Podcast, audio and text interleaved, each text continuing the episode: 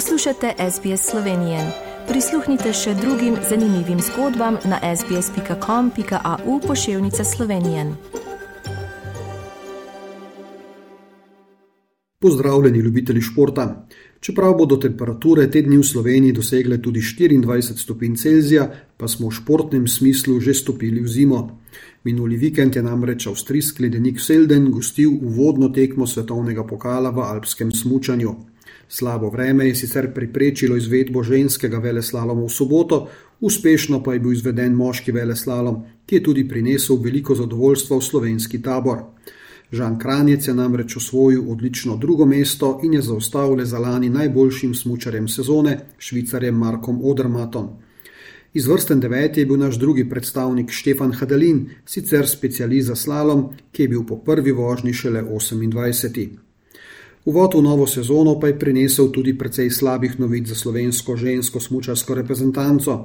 Poškodbo križne vezi, zaradi katere bo morala spustiti celotno sezono, je namreč utrpela lani naša najboljša smočarka Andreja Slokar. Še za večji šok pa je samo nekaj dni zatem poskrbela lani naša druga najbolj uspešna tekmovalka Meta Hrovat, ki je povsem nepričakovano pri zgolj 24 letih sprejela odločitev, da bo zaključila svojo športno pot in prednost dala drugim ciljem življenju. Svetovni pokal se bo nadaljeval v drugi polovici meseca novembra. Bodo pa že prihodnji konec tedna novo sezono v svetovnem pokalu odprli tudi smočari skakavci.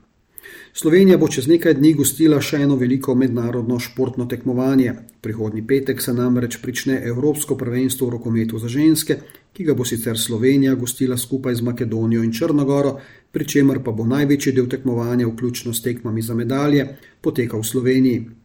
Slovenska ženska rokometna reprezentanca bo v prvem delu tekmovanja v celju gostila skupino, v kateri bodo še reprezentance Švedske, Danske in Srbije.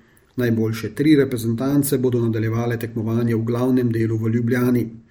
Igravke najboljšega slovenskega kluba Krima pa so tik pred začetkom prvenstva odigrale še zadnjo tekmo v Ligi prvakov ter doma premagale francosko ekipo Bresta.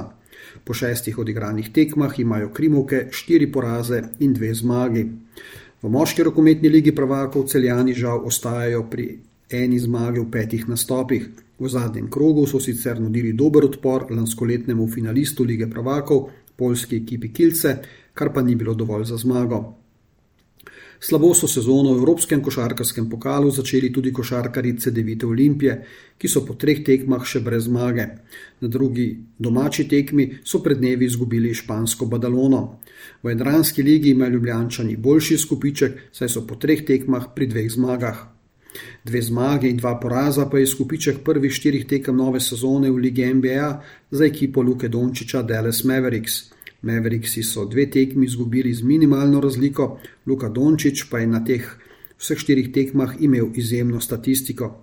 Poprečju je namreč dosegel kar 36 točk, ter zbral tudi po 9 skokov in 9 asistenc na tekmo.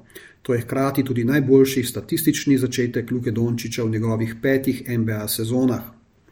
Za konec še nogomet. Prvi prvoligaški klubi so odigrali 14 krogov državnega prvenstva, vodilna Olimpija pa ima še naprej 8 točk prednosti pred najbližjim zasledovalcem Koprom, s katerim se bo v nedeljo pomerila na domačem igrišču. To je bil kratek pregled športnega dogajanja v Sloveniji v zadnjih 14 dneh. Tudi tokrat sem ga za vas pripravil Tomaš Ambrožič, ki vas prav lepo pozdravljam. Všečkaj, deli, komentiraj. Spremljaj SBS Slovenijo na Facebooku.